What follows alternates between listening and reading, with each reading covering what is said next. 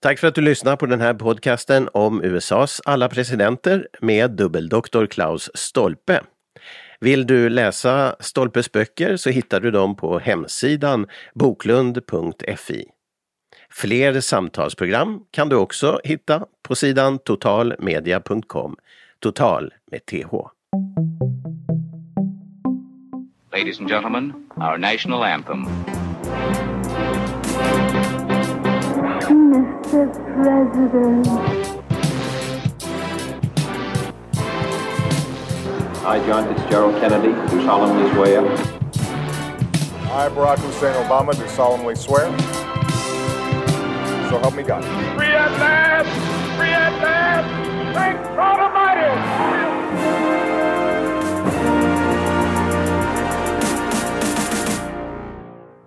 Välkomna till den här specialserien av Podscriptum som handlar om amerikanska presidenter. Det är helt enkelt så att eh, vi har en författare i vårt stall, om man säger så, som har skrivit böcker om presidenterna i USA, som det handlar om. Och eh, eh det kom vi på här är ett ganska spännande ämne, så vi ska faktiskt avverka några av dem och vi börjar från början här idag. Och eh, dagens eh, president är ju George Washington då, han var ju första presidenten. Ja, och vem är då vår gäst om inte Klaus Stolpe? Välkommen med! Tack, tack!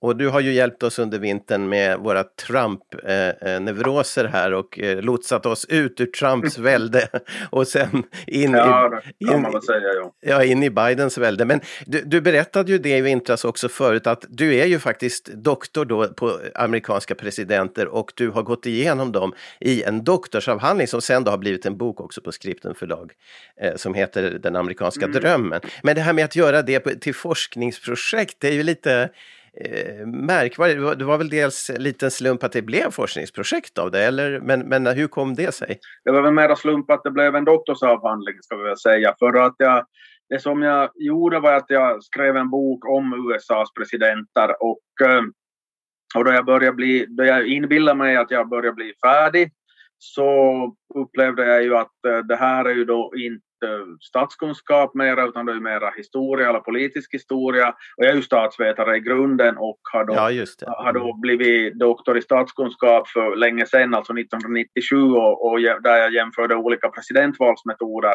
Så hade ju den referensramen Mm. att vad krävs för en doktorsavhandling och sen började jag tycka att nej, men det här är ju liksom lika bra eller dåligt eller något, något sånt. Så jag tog kontakt med jag började i fel ända helt enkelt. Jag skrev först och sen tog jag kontakt med historikerna i Åbo och frågade att, att eh, kan man fixa det här till en doktorsavhandling i historia? Och svaret var att ja, det, det går väl an men att det krävs ju en massa jobb för att liksom passa in i de formalia som gäller. Så att jag, ja, det, var ju, det var ju inte kanske den mest rationella tidsanvändningen i världshistorien om vi säger så. Men att jag, jag tänkte att nej, men varför inte att jag kör på det där. Sen hamnar jag ju läsa upp en massa, eller massa och massa, men en del historia som ja, bryggstudier helt enkelt. Mm. Och då, och då på, på, den, på, den vägen, på den vägen blev det. Och eh, när jag skulle doktorera så var jag tvungen att plocka bort allting som var kul om vi säger så.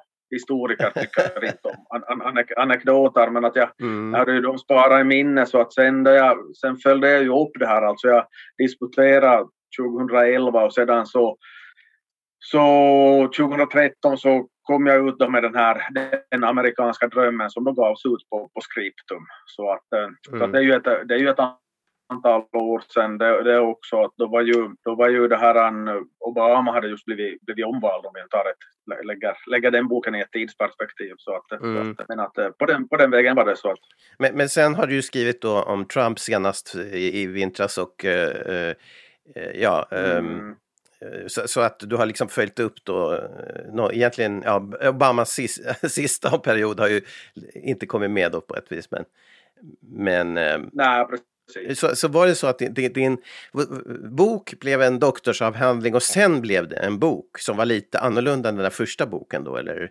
Ja, precis. Mm. Precis. Men, men det, det här du sa att man fick lägga till då när du skulle göra det till forskning, vad var det då framför allt? Eller, Nej, men att eh, det är ju klart att du blir mer petnoga helt enkelt Ja, och, och liksom en annan språkdräkt och, och, och allt, allt det där. Att kallar du vissa formalia och mer, mer noggrant med sånt som eh, käll, källhänvisningar och, och, Mm. och, och liknande så att det blir ju mer teoretiskt eller, eller torrt ifall man då vill så vill uttrycka saken. Men det här med att en, en viktig central del i det är ju din poängsättning av presidenterna och eh, den är ju delvis vetenskapligt och du jämför ju också med andra poängsättningar som har gjorts och du berättar hur du, hur du har gjort den och så här. Fanns den med i den där första bokversionen som du höll på med? Att du värderade presidenterna också då eller? Uh, Nej, det var inte så utmejslat helt enkelt, utan det var mer på, i, i och med att jag hade ju inte de här forskarambitionerna Ja, på, det mm. viset, så att det var ju det instrumentet som jag då utvecklade, någon form av utvärdering hade jag, men att jag gick ju mer till noggrant tillväga och teoretiskt och akademiskt tillväga om vi, om vi säger så. Mm. Och, eh, och det här, för det gällde ju att motivera på ett helt annat sätt att, det- att sån här, jag tycker så, så funkar inte en doktorsavhandling helt enkelt. Utan jag, jag hade ju reagerat på att i sådana tidigare undersökningar som hade gjorts utan att jag liksom vill racka ner på, på, på andras jobb så det kunde vara alltså antingen bara en, en rangordning rakt av vad man hade tagit tagit med ett antal experter eller någonting sånt och så räknar man ut någon medelplacering och kollar då att jaha men att Lincoln var bäst eller någonting sånt. Eller så kunde det finnas en, en hel uppsjö av värderingskriterier som, som väldigt långt överlappar varann och, och de kunde vara lite konstiga. Någon gång så kunde det vara liksom en undersökning som i princip var helt seriös så kunde det vara familjebakgrund. Och jag menar, vad, vad liksom, eh, är, är det bättre ifall man är liksom sönderavlad av en massa akademiker eller, eller är det bättre ifall man har kommit från ingenstans och, och, och sen blivit president. Så att det var vissa sådana till synes ganska virriga saker som kom in. Mm. Och sedan så ett annat exempel så var att man i några unders undersökningar hade som ett separat kriterium eh, hur man har skött utrikespolitiken. Men det är ju bara det att i, i det tidiga USA så tidvis så fanns det ju ingen utrikespolitik att tala om. Ah, Såvida man, inte- så, såvida man inte liksom tänker på att chasa bort indianer eller no, no, no, no, från vilda västern eller något, Mm. någonting i den stilen. Så det blir ju ganska, man måste ju, om man lägger upp kriterier så det måste ju vara Alltså det är ju en ganska grannlaga uppgift att, att fixa till det så att det passar in på alla presidenter helt enkelt. Mm. Men det där med familj och så, det är väl, det är väl lite en amerikanskt, för- man har fördom att det är, det är liksom den där delen också, att man ser chic ut och har en fin familj och en hund och de, de grejerna har ett värde i USA för, för de som röstar. Då får vi känslan av att det är också Ja, det är ett så, uttryck så, för det kanske. Så är det väl i och för sig och, eh, och speciellt i modern tid liksom då- som, Mm. då vi har fått TV, TV och allt sånt här men att det har ju då inte något att göra med om huruvida man har varit lyckad som president eller, eller inte. Att, Nej. jag menar Mm. oberoende vad man tycker om Kennedy så han, han blir ju inte bättre av att frun var vacker och barnen var gulliga. Nej, egentligen inte. Han blev mer, mer, kanske mer populär men att han blir inte nödvändigtvis bättre. Popularitet är ju ett av de kriterier som jag, som, som Mm. jag använder mig av så att där kommer ju då direkt eller indirekt åtminstone den där familje, familjebakgrunden in ifall, ifall det är Mm. något som man har kunnat liksom slå politiska mynt av om vi säger så. Mm. Men, men eh, i, lagom, i lagom mängd och storlek så att säga Mm, mm. påverkar. Ja, vad intressant. eh, Den här eh, eh, idén till att, att fördjupa dig i presidenterna, var det naturligt som, som statsvetare från början och du, du undersökte ju valen och så här men också presidenten som, som ämbete och som personen bakom och hela det här eller, eller finns det någon, var det något specialintresse som du privat hade kring det eller var, var kom det ifrån? Alltså jag är ju det är specialintresse snarare för att eh, alltså jag är ju intresserad av, av historia rent allmänt och då, men alltså då menar jag inte liksom sånt här med krukor i jorden och att man ska gissa sig till om de är tusen eller två tusen år gamla. Det, det, är liksom, Mm. det, det är inte min grej utan mer sån här politisk historia. Och sedan då den här kopplingen till USA så kommer väl Alltså det, vi får väl börja med Lucky Luke ungefär. eller sånt. Nej men på, på allvar, för att jag var Mm. liten så, jag menar jag läste de här Asterix och Tintin och där som, men att eh, tyckte mer om Lucky Luke och sen i något skede så insåg jag ju att de som finns med där så, så är inte nödvändigtvis fiktiva personer utan Jesse James och Billy the Kid har funnits på riktigt, låt vara att de inte var presidenter men att ibland så förekommer någon president eh, till, till, och med men att eh, sen har man ju sett på westernfilmer och, och, och, och, allt sånt så att det här, USA är ju ett spännande land. Mm. Ja, men det här ska vi återkomma till i vår långa, långa förhoppningsvis, om någon finansierar oss, serie om, om presidenter orkar, om någon orkar lyssna på oss. Ja, eller ännu viktigare att någon finansierar att ja, man ja, lyssnar. Ja, Men i alla fall, nej, nej, vi tycker att lyssnande är viktigast. Men i alla fall så ska vi, det här med USA är ju, och jag tycker att det, det vi nu står framför, det här Mount någonting, Mount av presidenter på något vis, eh, det är ju, man, man, får liksom, det är som att ta i gudomen, att, att ta på det där Eh, Eh, högsta, eh, mest förnäma, att man får vara med i det där maktens, eller världens viktigaste jobb och man får liksom eh, rum att vara med med den här presidenten genom att vi nu ska diskutera dem. Alltså, du förstår, inträde till någon sån här högre makters rum ja, känns det som. Jag vet inte ja. om du har den, du kanske lever helt i hybris efter alla dina böcker också? Nej, det, det, inte vet jag inte, jag lever väl i hybris men att eh, jag tror väl att eh, så pass mycket självförtroende måste vi väl ha att, att den som orkar och vill lyssna på oss så får man kunskap på, på, på köpet och, och då menar mm. jag inte torr teoretisk kunskap utan lite mer kul grejer eller anekdoter eller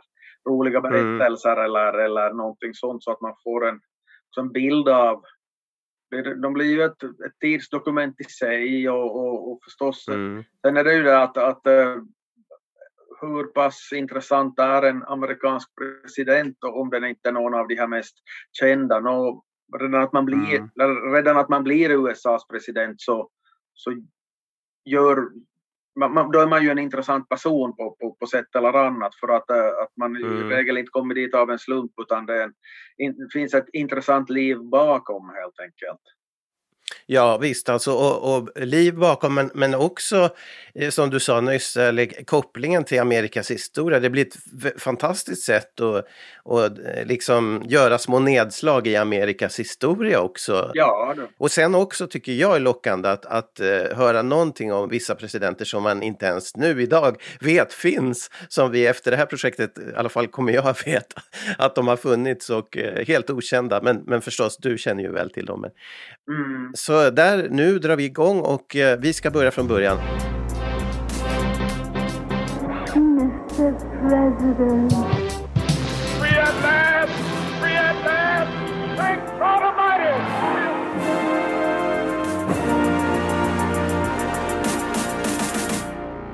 Eh, George Washington, han, han har ju blivit lite av en myt och han var den första presidenten, han formade hela det här hela det här eh, presidentskapet, det fanns ju inte före honom. Och, och jag menar, jag har ju bott i USA också, eh, liksom det finns någonting otroligt heligt, eh, något mytiskt om, kring George Washington och, och ja, det verkar nästan lite märkligt. Han är nästan som en ballong istället för en president. Men, men, men, han var väl en, en bra president också, så det ska bli spännande att höra uh, vad, vad du har att säga om honom. Mm. För som du säger att det finns mycket sån mytbildning kring honom att han framställs som någon ja, nästan gudalik person åtminstone förr i tiden och, och som används mm. som exempel i skolundervisningen. Det finns sådana skrönor som det inte finns något belägg för helt enkelt. Att någonting som man åtminstone förr lärde sig i skolan i USA så var, så var att uh, då, han, då George Washington var liten så hade han fått tag på en yxa och huggit ner ett körsbärsträd och, och pappa blir skitförbannad och, och eh, börjar härja att vem är det som har gjort det här? Och så börjar George Washington gråta och säga att ja, ja men det är klart att det är jag för att pappa du vet ju att jag inte kan ljuga. Och så börjar pappan gråta och kramar om honom att ja det, det är just det som är det bästa med dig, att du är värd mer än, din ärlighet är värd mer än tusen körsbärsträd och så vidare. Att jag menar, att, man, att det, klart, det kan väl ha hänt, men hur kan vi veta det? Alltså? Men att det, han, han lyfts mm. ju fram som någon, någon sån här förebild och så barnen ska veta att ja, men George Washington ljög aldrig så att, att så att då ska inte, då, då ska inte du heller lilla, lilla Billy eller vad du nu heter så ska inte ljuga heller eller något, något sånt Trump, Trump kommer Mm. att knappast att ta som exempel i sko, skolundervisningen på den här punkten hoppas jag. Nej, men, men just det här med den här mytbildningen, är det tror du någonting som skapades redan under hans eh, livstid eller är det långt mycket senare som det har, har blivit någon slags sedelärande? Ja, det där med körs, körsbärsträdet så, så råkar jag känna till för att det var någon, någon sån här bok som kom, jag tror det var just efter att han hade dött. Mm. Alltså det var en karl kar som hette Mason Locke Weems som, som skrev, om, skrev om, om George Washington och, och det där, jag tror att det där kom, kom just efter att Washington hade dött. Så det, det där har lång, långa rötter men, Mm. men att, att om man bara hittar på eller om man samlar på, på, på rykten och, och gjorde dem till, försökte forma om den till en sanning så det, det må ju vara osagt men att jag menar någon konkret dokumentation i termer av att George Washingtons pappa skulle ha suttit och skrivit dagböcker på 1730-talet så, så får vi väl se oss i månen efter. Ja, ja, det är ju hemskt länge sedan det här alltså när han var Ja, barn. det kan man lugnt säga. Och det, det är ju en fjärran tid. Men, men, men alltså han, han, förutom att han var mytisk så, så är han, var han lite, vad jag förstår, också untouchable på det viset att man, man får inte eh, ens nämna honom. Eller man får inte göra i alla fall narr, eller hur? Att man, det är en otroligt helig person det här vi frågar om, eller? Ja, ja det, det kan man nog säga för att, eh, att eh, ett, ett exempel som jag har sett nämnas i, i några sammanhang så är att, att det kom en, en, eh, ett teaterstycke som heter The Virginians på Mhm. 1850-talet, så det var ju 50 år, mer än 50 år efter att Washington hade dött.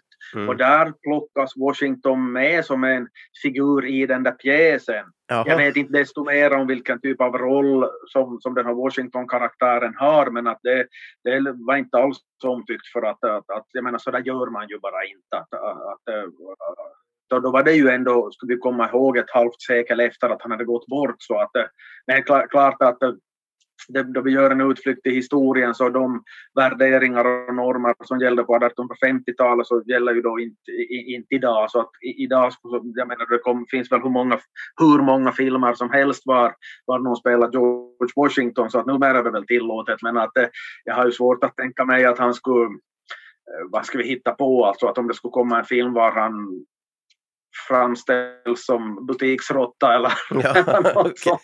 Häst, hästtjuv så skulle väl inte vara så, så det skulle inte falla i så god jord misstänker jag. Nej, nej, men i alla fall eh, det här med Virginian sa du, för det var ju Virginia som han bodde och kanske kom han därifrån också. Mm. Men han hade väl en stor Ja. eh, st- estate där helt enkelt. eh. Ja, ja, det är ju den delstaten som man ju nog kopplar ihop Mm. med, med, honom. Mycket av de här tidiga presidenterna är ju från, från just Virginia. Att det har en, en annan tyngd rent politiskt sett det där området än vad det har haft, haft senare. Just det, men, men vad gjorde han då? Vi, vi, vi, vad var det han uträttade och vad var det som fick... Han, han blev alltså vald ut, det fanns ingen annan. Han blev enhälligt vald, ska vi säga. Men, men vad, vad var det? Eh, Ja, eh, i princip enhälligt val, men att på den tiden så de som blev elektorer, de hade samma mot, ungefär motsvarande system som idag. Mm. Bara att de inte var gu- gummistämplar på samma sätt som, som i dagens läge riktigt. Men, men, men grejen var att, att på den tiden så hade, hade de här elektorerna två röstsedlar var. Så att det blev Mm. liksom, och, så man fick rösta på två olika utan att rangordna den på något vis. Mhm. Och i, i bägge, bägge de här valen då Washington blir vald så, så han får alltså en röst, ena rösten från alltså alla elektorer så ger en av rösterna åt honom. Ja, Och sedan då så, så, så att eh, så, så att jo, men att där fanns ju då lika många röster till att fördela och på den tiden så ställde man ju inte upp i val med en egen vicepresidentkandidat utan den som blev tvåa då så, så blev vicepresident. Mm. Det där är ju lite knepigt för det kunde ju hända att de skulle ha avskytt varandra. Jag menar jag tror inte att Joe Biden skulle ha Donald Trump som vicepresident Nej. om vi uttrycker saken diplomatiskt. Eh, och inte andra hållet att, att eh, Trump Nej, skulle nej. velat ha, ha vad heter Ja, hon? eh, Hillary Clinton, nej, Nej. nej knappast. Men i alla fall, eh, eh, eh, bara för, så att man sätter Washingtons eh, handlingar. Han var ju väldigt av en militär, alltså var det inte därför han fick en sån status i själva verket? Jo, jo, jo för att, eh, att om vi backar tillbaka bandet lite så, så att på, alltså i Europa så fanns det ett, ett krig 1756 till 1763 som kallades för sjuårskriget. Mm. Men att man, man, faktum att man rök ihop i Nordamerika redan två år tidigare, 1754, och eh, då var det britter som stred mot fransmän och indianer. Fransmännen och indianerna gjorde gemensam sak. Man brukar också kalla det för French and Indian Wars. Mm. Och då, då var ju Washington på den här brittiska sidan helt enkelt. Ja, just det. Mm. Det låter ju kanske lite konstigt för att sen så ledde han ju kontinentalarmén mot britterna sen 20 år senare. Mm. Att som ung man så deltog han framgångsrikt i, i, i det där i det där kriget och, och fick redan då en viss uppmärksamhet för att han omtalades i någon, någon brittisk tidning då på 1750-talet och, och var då citerad att, att, att, ja, att det är någonting speciellt med det här fantastiska ljudet och kulorna viner kring öronen. Och sen så, långt efteråt så blev han tillfrågad om han faktiskt har sagt det och sa ja, det vet jag inte men att jag måste ha varit väldigt ung, ung om jag helt kläckt ur mig en sån sak. Ja, just det.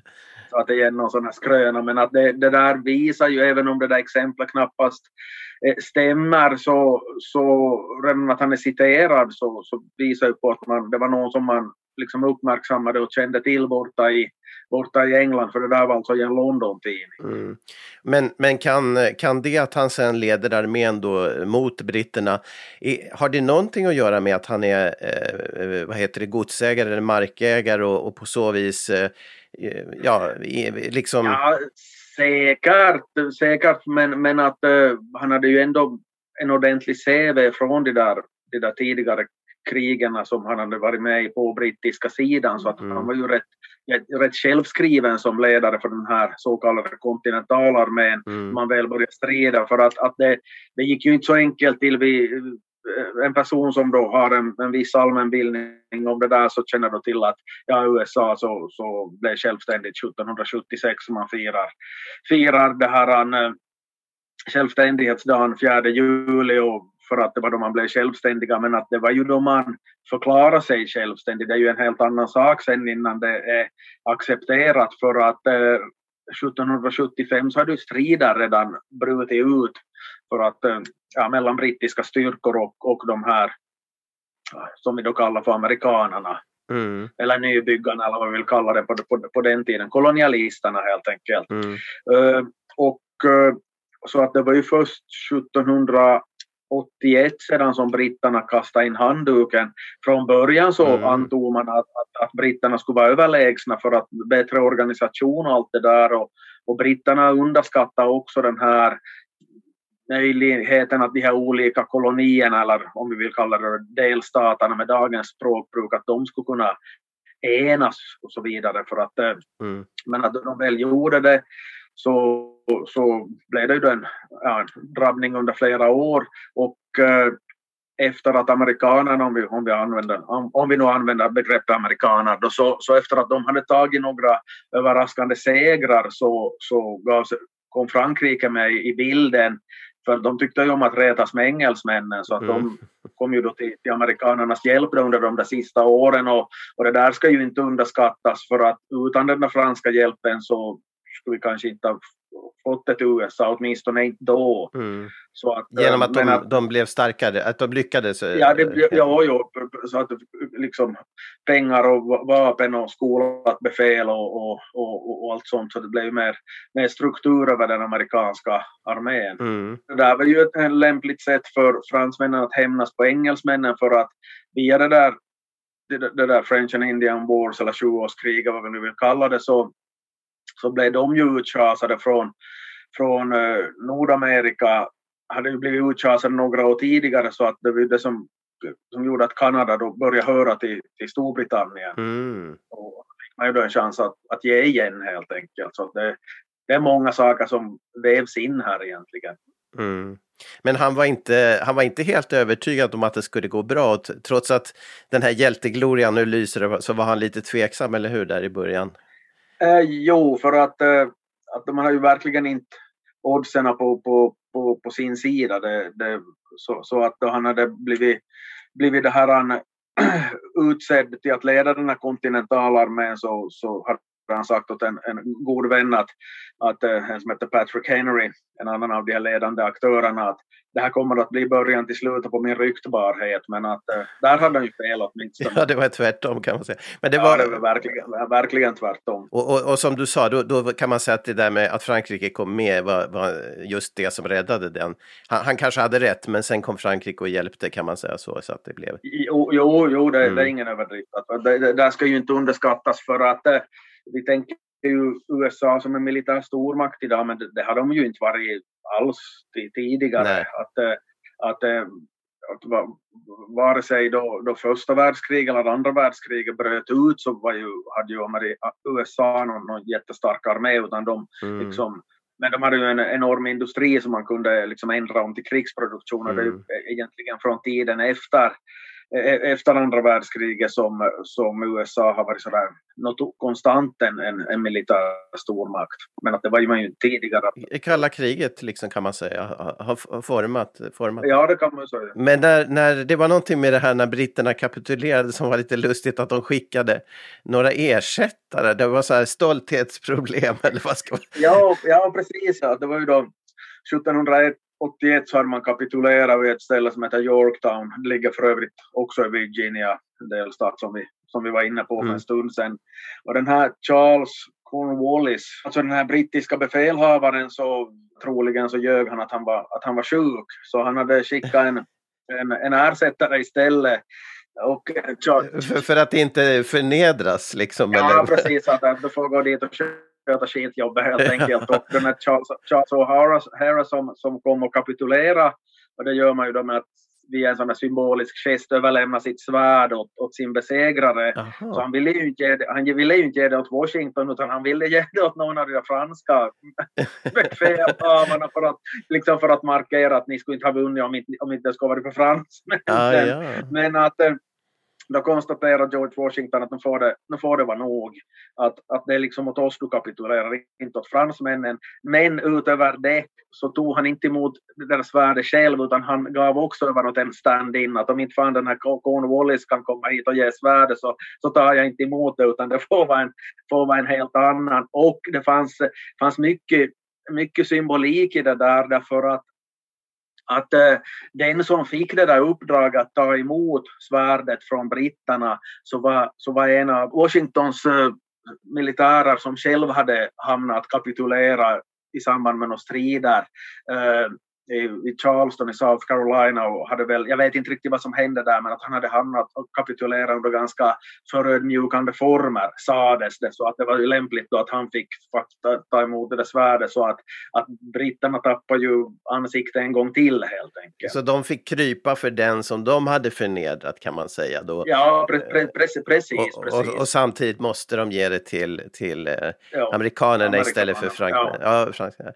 Men, Ja. men det här med, alltså som person, var han eh, lättsam också eller vad har du fått uppfattningen? Ja, att, att han verkar nog ha varit ganska sådär strikt och sånt, men det var ju en, en annan tid så att det Mm. låg väl inte i tiden att man skulle vara som sådär riktigt folklig av sig heller. Att Mm. det, att, men, men det är ju frågan, det är ju frågan om gradskillnader där, men att det var en, en kar Governor Morris, han hette faktiskt Governor till, till förnamn och var guvernör i, i, i det här. Det är ungefär som om du skulle heta poddmakare Thorsson Ja, eller något no, no, no, sånt. Men, men att han hade då, den här Morris så hade, hade det här slagit vad med någon om en middag, att, att han skulle kunna, att han skulle våga vara liksom kompisaktig med Washington och han hade liksom lagt handen på hans axel och sagt att ja men så roligt att träffas generalen, att, det, att ni, ni ser så fräsch ut idag och den här Washington, Washington hade tagit bort armen och stått och stirrat på honom i flera minuter utan att säga någonting Oj. tills den där Morris så gick därifrån och gömde sig i folkvimla och då var det ju inte liksom vem, vem som helst han heller utan han var ju då guvernör för det som då väl rimligtvis måste ha varit den största delstaten, äh, sagt med viss tvekan, men att, att äh, om man var från Pennsylvania så, så det var ju liksom Mm. där som centrum låg på, på, på, på den tiden. Mm, Okej. Och äh, en annan grej så, ett av de kända porträtterna som finns av, av, av Washington så, så målades av en, ja vad hette han nu då jag så? Var det Stuart, eh, den där Stuart kanske?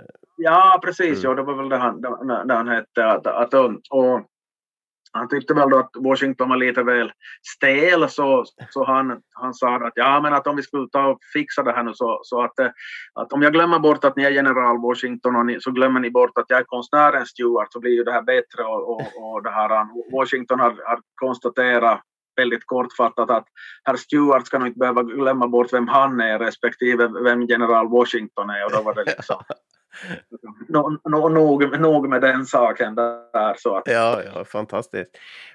Ja, så att, så att det är klart man måste vara strikt om man ska leda ett land. Och, och, men, men han hade respekt med sig. För, för poängen är, okej, okay, det var fransmännen som hjälpte till, men han blir ändå den person som står för frigörelsen på det att han ledde de här trupperna ändå.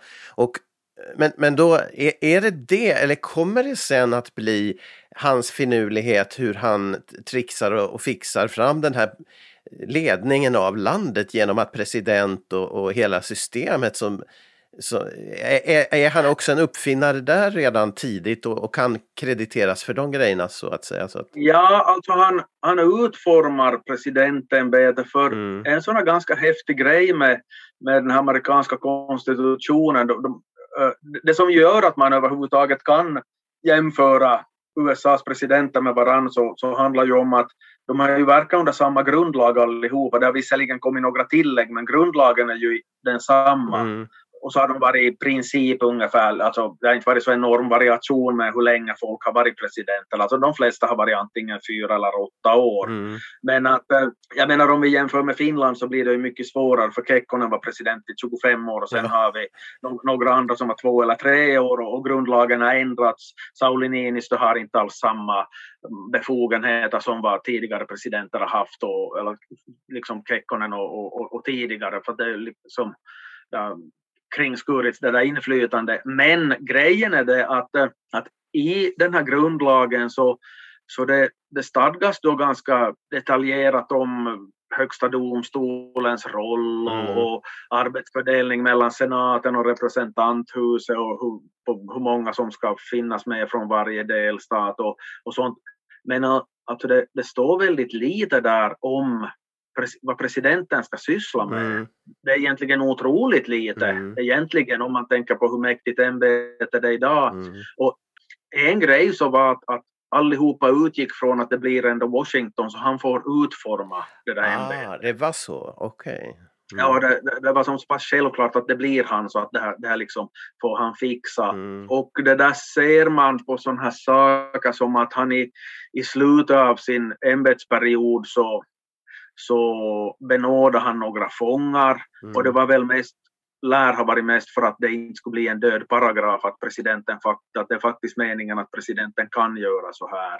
En, an, en, an, en annan grej, eller vilket jag tycker är nästan, nästan bättre exempel, är det att han valde att att uh, dra sig tillbaka efter två perioder. Ja, just det. Okej, han, han levde ju inte så himla länge efteråt mm. och efter det så, så får vi ju gå fram till andra världskrigets dagar innan någon ställer upp en, en tredje gång. Därför mm. att det var så att, att det passar inte sig helt enkelt. Därför mm. att om det räckte med två mandatperioder för, för, för Washington så måste det räcka med två mandatperioder för vem som helst. Och mm. det, blev en, det blev en norm men det var, en, det var en regel, men det var en oskriven regel. Mm. Sedan då så är det en annan grej då, då, då andra världskriget har kommit igång och Roosevelt har blivit, Franklin Roosevelt har blivit vald 32 och 36. Mm. Sedan 1940 så har ju USA inte dragits in i kriget ännu, men han ser ju vart det är på väg, så han, han vill helt enkelt inte riskera att, att ge över åt någon som inte liksom för en politik som går ut på att man ska bli förberedd sen då det smäller. Mm. Så att han, han ställer upp till val, val en tredje gång 1940 och sen även 44 och sen så dör han ju då 45. Så att, mm. Men att, att, eh, men att, att, att det höll alltså till en god bit in på 1900-talet innan någon bröt den där traditionen som Washington hade startat. Det är ju, det är ju också ett mått på liksom vilken respekt man hade för, för Washington på, ja. på, något sätt. Fantastiskt, vilken ledare alltså. Att, eh, bara det han säger och det han gör, det är rätt på något sätt sen. Och, och, mm. och säkert var det klokt också. Men, men det att han, som du säger, drog sig tillbaka så att, så att han var bara två gånger och då följde andra efter på samma sätt. Ända fram till 40-talet, mm. då som du nämnde, 1940-talet alltså. Men det här mm. med eh, par, partier, det var inte, det, det, måste man också förstå att det var inte på det viset att han, han var in, det partitillhörigheterna var inte som nu så att säga. De, de hette demokrater och republikaner det ena och federalister men, men uppdelningen var inte densamma eller kan man säga att något... Nej, nej det, det, det är precis något helt annat. Att, att, mm. Eh, att det här äldsta partiet som fanns det var federalister. Mm. Och, eh, och, och sen så småningom, men att det var kretsarna kring eh, som hette Alexander Hamilton och även då John Adams, alltså Washingtons vicepresident och sedermera efterträdare. Mm. Och, sedan, och, och, och de ville ha liksom någon form av centralstyre, att det skulle inte bara vara att, att delstaterna sköter sig själva. Mm. Och sedan så kommer det en annan grupp i kretsarna kring en som heter Thomas Jefferson som sen var USAs tredje president. Mm. De kallar sig för republikaner men har ingenting med dagens republikaner att göra. Ah, yeah. men, att, att, eh, men grejen är att om man läser i en bok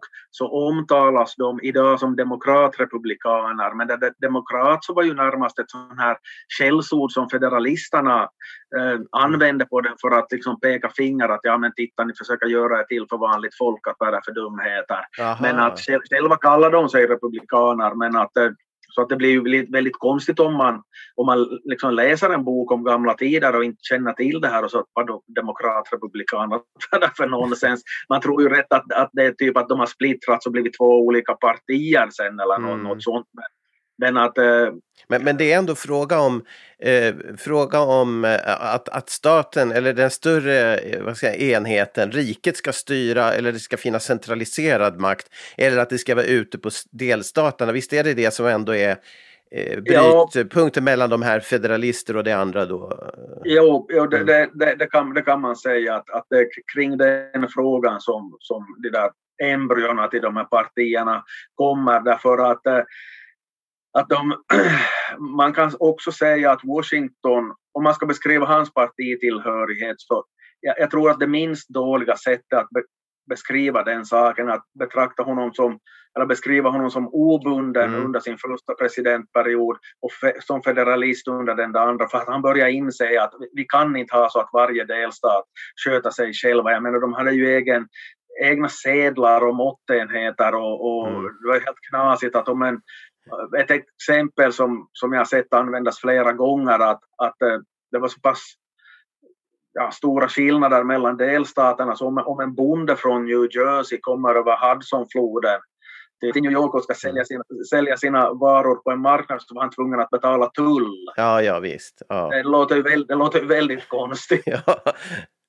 precis. Och, och det, här, det var nämligen så att det, det bröt ut ett uppror Shays Rebellion, alltså Shays uppror bland några bönder som vägrade att betala skatt. De tyckte att, att det där var inte deras grej. Mm. Och det var svårt att slå ner den bara med sådana här lokala, lokala styrkor.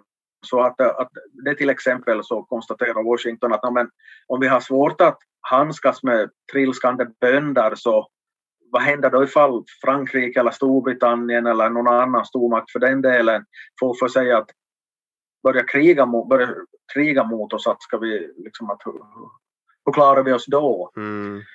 Och just Washington, så att det var, handlade inte bara om, om det här militära utan han, ju längre tiden gick så, så blev han också mer intresserad av sådana frågor som att vägbyggen, mm. fungerande på, post och mm. kanaler och sånt. Det vill säga sånt som förbinder olika delar, olika områden med varandra. Så att mot den bakgrunden så kan man kan man liksom gott säga att beskriva honom som federalist mot slutet men, men från början så ville han ju stå över liksom den här vardagspolitiken och därför så kan man kanske säga att han var obunden under den första, första mandatperioden. Men var, var hamnar vi då med USA eller Amerika då när han slutar? Har, har han lyckats skapa en, en eh, balans mellan det här redan eller är den processen fortgående sen? Alla kanaler, du sa det här som han har tagit vägar och, och post och allt där. Har det då, vad, vad, för slags land är det som han som finns då när han slutar och sin period? Ja, vi säger, alltså utvecklingen hade ju inte kommit så så, så långt på väg för att det, det, här var ju då inte allt för många år efter att man hade överhuvudtaget enats om att få till stånd en, någon form av fungerande grundlag och arbetsfördelning och, och allt sånt. Men han, han, det här, han, han, eh, han visar ju vägen i alla fall om mm. man säger så. Mm. Ja, men om vi tänker oss nu att, att britterna kapitulerar 1781 och freden i Paris skrivs 1783 så att det är först 1787 sen som man får till stånd en, alltså en fungerande grundlag och, och eh, uppfinner presidentämbete och, och, och, så vidare. Mm. Sen blir han vald eh, 1700, 1789 och sedan blir han vald på nytt 1790 92. Eh, nu det låter som han bara skulle ha varit sju år president. Han var de facto nästan åtta år för att det handlar om att det var i, i början av I början eller slutet? ja precis. precis. Så att eh, så, så, att eh, det var, ju ett, det var ju ändå ett land som, som sökte sina former men han, han visar ju vägen ganska långt att vi, vi kan inte bara ha ett sådant här system var de här delstaterna lever skilt för sig helt enkelt. Mm. Det som kanske någon undrar är ju förstås att var, var höll han hus? För Washington DC fanns ju inte på den tiden. Det är ju, Nej, den stan är ju döpt, döpt efter honom, men att den byggdes ju, den byggde, började man ju bygga då mot slutet av hans presidentkarriär. Aha. Och eh, han, eh, han det här, han, så att första gången så, så, så svor han presidenteden, det var på valborgsmässoafton, jag vet inte om man firar valborgsmässoafton på den tiden, men 30 april 1789 och det var på, det var alltså på Manhattan i New York som han svor presidenteden Ah. första gången. Och sen den andra gången så då hade man, hade man flyttat den här kongressens verksamhet till, till Philadelphia så att det var, huvudstad i stort sett mellan, ja vad blir det, 1790 och år 1800 eller något sådär grovt taget. Det var ungefär li- lite mindre än tio år så var liksom Philadelphia den här maktens centrum men att eh, Mm. det var som sagt i New York respektive Philadelphia som han hade svurit presidenteden och hållit sina presidentinstallationer. Just det, det började så innan. innan. Men han, han var med om att eh, eh, lägga grunden för Washingtonstaden då, som skulle bli centrum för makten sen. Ja, Mm. Men som person så var han, eh, han hade ju slavar också, Washington. Det var den tiden, eller hur? Han var ju väldigt eh, förmögen och eh, det har inte tagit glorian av honom direkt eller? Nej, egentligen inte för att, eh, att det blir ju... Jag menar, jag tar inte i försvar att han haft slavar, men de, det var den tidens anda och, och det var... De, de flesta av USAs tidiga presidenter så har haft slavar där, Mm. som, um, under någon del av, av sitt... Så att, det, det, så att han sticker inte ut. Det kanske skulle vara annorlunda om, om, om ingen annan president skulle haft slavar så skulle det väl varit ganska populärt att peka på, på, på den saken. Men att det var ju Mm. inget, var inget i ögonen fallande på, på, på den tiden. Nej, nej, precis, ja så var det. Och, men hur var det med den här eh, tiden mellan frihets, självständighetsåret eh, och när han blev president? Hur, på vilket sätt leddes landet då? Var det han som ledde det? Men man hade ju nog en sån här kon- kontinental kongress eller vad, vad, det, vad, vad det nu blir på, på, på svenska, men att man hade från och med början av åt- 1780-talet så man kunde vara trygg, trygga helt enkelt i sin Mm. självständighet, att, att stridigheterna var över med britterna och allt det där. Och Mm. då, då skapar man någon sån här eh, ja, grundlag men den var inte som så genomtänkt och, och sen efter några år så insåg man att vi, vi måste liksom hitta på något, något vettigare system för det här så att det var, var ganska så staplande och det sökte sina former där under, under 1700, de där åren där i mitten av 1780-talet och sedan så och bara en sån här grej att, att eh, man kan inte ens säga riktigt vad som var en huvudstad därför att de sammanträdde på väldigt många olika ställen och, Mm. och, och sånt. Att det är enkelt att hitta på nätet och, och ungefär slår man in en sån här Capital of the United States of America så kommer det en ganska lång lista där i början att ja, mellan det och det datumet så var man, var man där och där och sen flyttar man dit och dit och var ett halvår i någonstans så att det ser ganska, ser ganska rörigt ut helt enkelt. Men den, redan den där listan så säger ju någonting om, om, eller antyder en brist på struktur kan man väl säga. Mm. Sommaren 1787 så samlas ju då 55 karar och sitter i en stekhet tegelbyggnad i Philadelphia och käftar om hur, hur det här eh, grundlagen ska se ut och det är ju ett, det är liksom kompromiss på kompromiss på kompromiss. Mm. Om man tänker sig då deras riksdag, alltså kongressen, så det var ju så att de här mindre delstaterna så tyckte ju att men alla, alla delstater måste ju ha lika många representanter och de större tyckte att men, det här är för skitsnack att vi måste ju ha fler eftersom vi har mycket större folkmängd. Och då, det var på grund av den konflikten som man kom fram till att ja, men då, då ordnar vi det i två olika kamrar. Att i senaten så, så då får varje delstat två. Mm två senatorer och i representanthuset så delar vi upp det enligt, enligt folkmängd. Just, just. Så att där kan man ju då, vi kan dra en parallell till dagens situation att, att eh, Wyoming har 600 000 invånare, det är mindre än Helsingfors alltså och uh, Kalifornien har väl um, eh, 40 miljoner eller något i den stilen, mm. uppemot i alla fall. Och, uh, och det här, de har två senatorer var men Wyoming har en ledamot i representanthuset och Kalifornien har 53. Mm. Så att, eh, så att i, i, Wyoming så är det lättare att bli senator än att bli representanthusmedlem. Ja, just det. Men jag menar hur man skulle tilltala presidenten, till och med det var ju oklart. Det var, var inte att man skulle, inne på att de skulle kunna säga majestät eller vad, vad var det nu? Det fanns olika varianter hur man skulle tilltala, eller förslag på varianter. Och, uh, mitt favoritexempel så det kan vara His Elective Majesty, alltså ja, hans, hans valda majestät. Och det där är ju att fullständigt det är fullständigt bisarrt egentligen, eller åtminstone mitt sätt att tolka det ordet att en majestät är ju en kung som har liksom ärvt sitt ämbete. Mm. så ja, man kan inte använda hans, hans, hans valda majestät. Det, ja, det går ju ganska motsättning. Och, men, och, ja men precis, det är ju otroligt motsägelsefullt men, men grejen är ju då att, att då var det väl så som det nu sägs Washington själv som mm. konstaterat vad är det för liksom skitsnack att, att, att Mr President, det, det, liksom, det, det, säger ju vad det är frågan om och det, det, räcker. Men i alla fall, vi får säga någonting om, om Washington, eh, hur han eh, liksom klarade sig. Vad, hur bra var han? Eh, vad har du för uppfattning?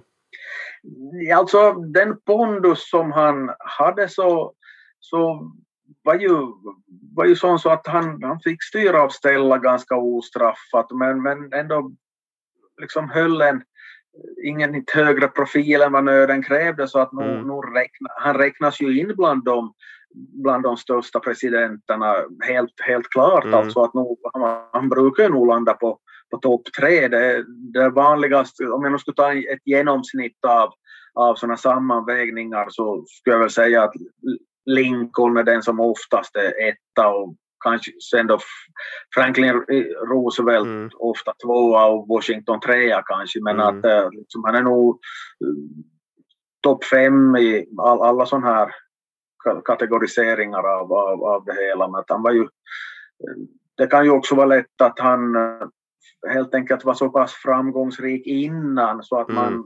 att det liksom kan väga in i folks bild av, av, mm. av honom för att, att han, han var liksom han, han, han kom ju inte från ingenstans direkt utan det var ju liksom den här landsfadern. Men mm. för all del, alltså, vi kan ju vi kan lite svänga på det här resonemanget att mm. om, han, om han skulle varit väldigt dålig så då skulle ju USA knappast ens ha överlevt som stat helt enkelt. Ah, okay. Utan det skulle ha blivit någon, någon, slags röra som skulle ha gjort att, att äh, engelsmännen skulle ha kollat med fransmännen att hej, att, att om, om, om vi ger oss på de där idioterna en gång till. Kan ni hålla er hemma den här gången? Men alltså det, det, på ett sätt, ah, han var en fantastiskt imponerande person och en ledare, ledargestalt. Alltså han, han hade glorian med sig också. Han var inte bara duktig men han hade ju det här som du säger att, och gjort bra innan. Men, men alltså kan det vara så att det, det kommer att bli mycket svårare att bli en bra president längre fram i historien än det är att vara först? Att då... Jo, alltså man, det blir ju mer komplext helt enkelt, hela, hela samhället. Och uh, sedan förstås att, att att följa en sån där gigant i spåren, så att det är ju ungefär som om man skaffar en ny flickvän, så att det är ju till fördel ifall hennes före detta var, var en väldigt taskig typ. Och, och men att om, om, om det är någon som har gloria-status bland svärföräldrarna så man ganska, ligger man ju ganska risigt till. Ja, just. Att, ja, det, på, på så vis, ja, för de som kommer efter hade det varit om han var ännu se, inte lika stor idol och framgångsrik. Mm.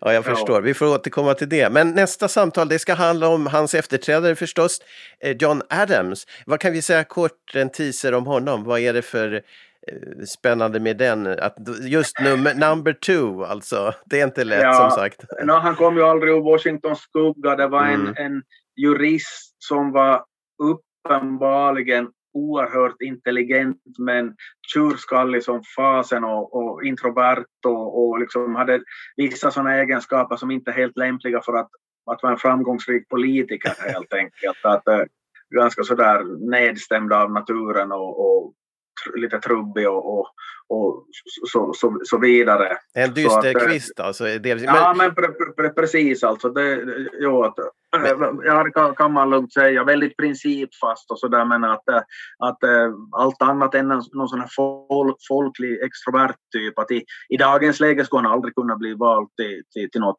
st- stort ämbete tror jag. Alltså, att det, Mm. Han är inte den personligheten. men alltså, eh, utan att avslöja, men eh, han, han var på gång att försöka. Var det så eh, att, att han var på gång att försöka bli någon, någon ny kung eller försöka eh, koppla ihop sig med britterna igen? Eller vad? Det, det gick ryk, rykten om det men Ja. att, att jag, har, jag har personligen svårt att tro, tro på just de krönorna eller Mm. den, den delen av, av historieskrivningen eller narrativet därför att han var en så pass utpräglad patriot så att jag tycker att det, det går inte ihop med den typ av värderingar som han hade haft tidigare Mm. då han hade varit väldigt antibrittisk så att det, det, det här han, Mm. det, det känns inte riktigt. Trovärdigt. Nej men precis. Ja. Är Washington, tillbaks till Washington, är det en favorit för dig? Ligger han högst upp för dig eller är, är han också bland de tre eh, första för dig? Eller? Alltså nu, nu ligger han väldigt högt upp men att eh, jag personligen så tycker jag bäst om Franklin D. Roosevelt Mm. och Lincoln som tvåa. De, då de väl var presidenter så hade de ju enormt mycket större utmaningar att, att brottas med än vad, Mm. än vad Wa- Washington hade och den, den biten tycker jag ju att man måste, måste väga in. Mm.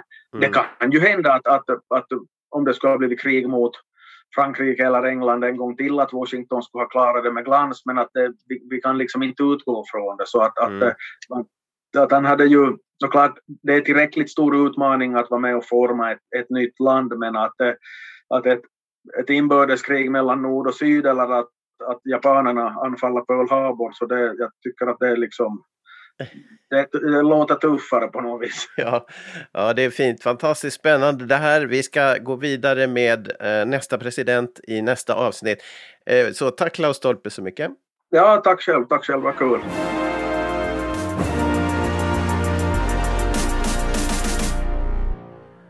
Du har lyssnat på podcasten Mr President och du kan hitta fler avsnitt och andra samtalsprogram på sidan totalmedia.com.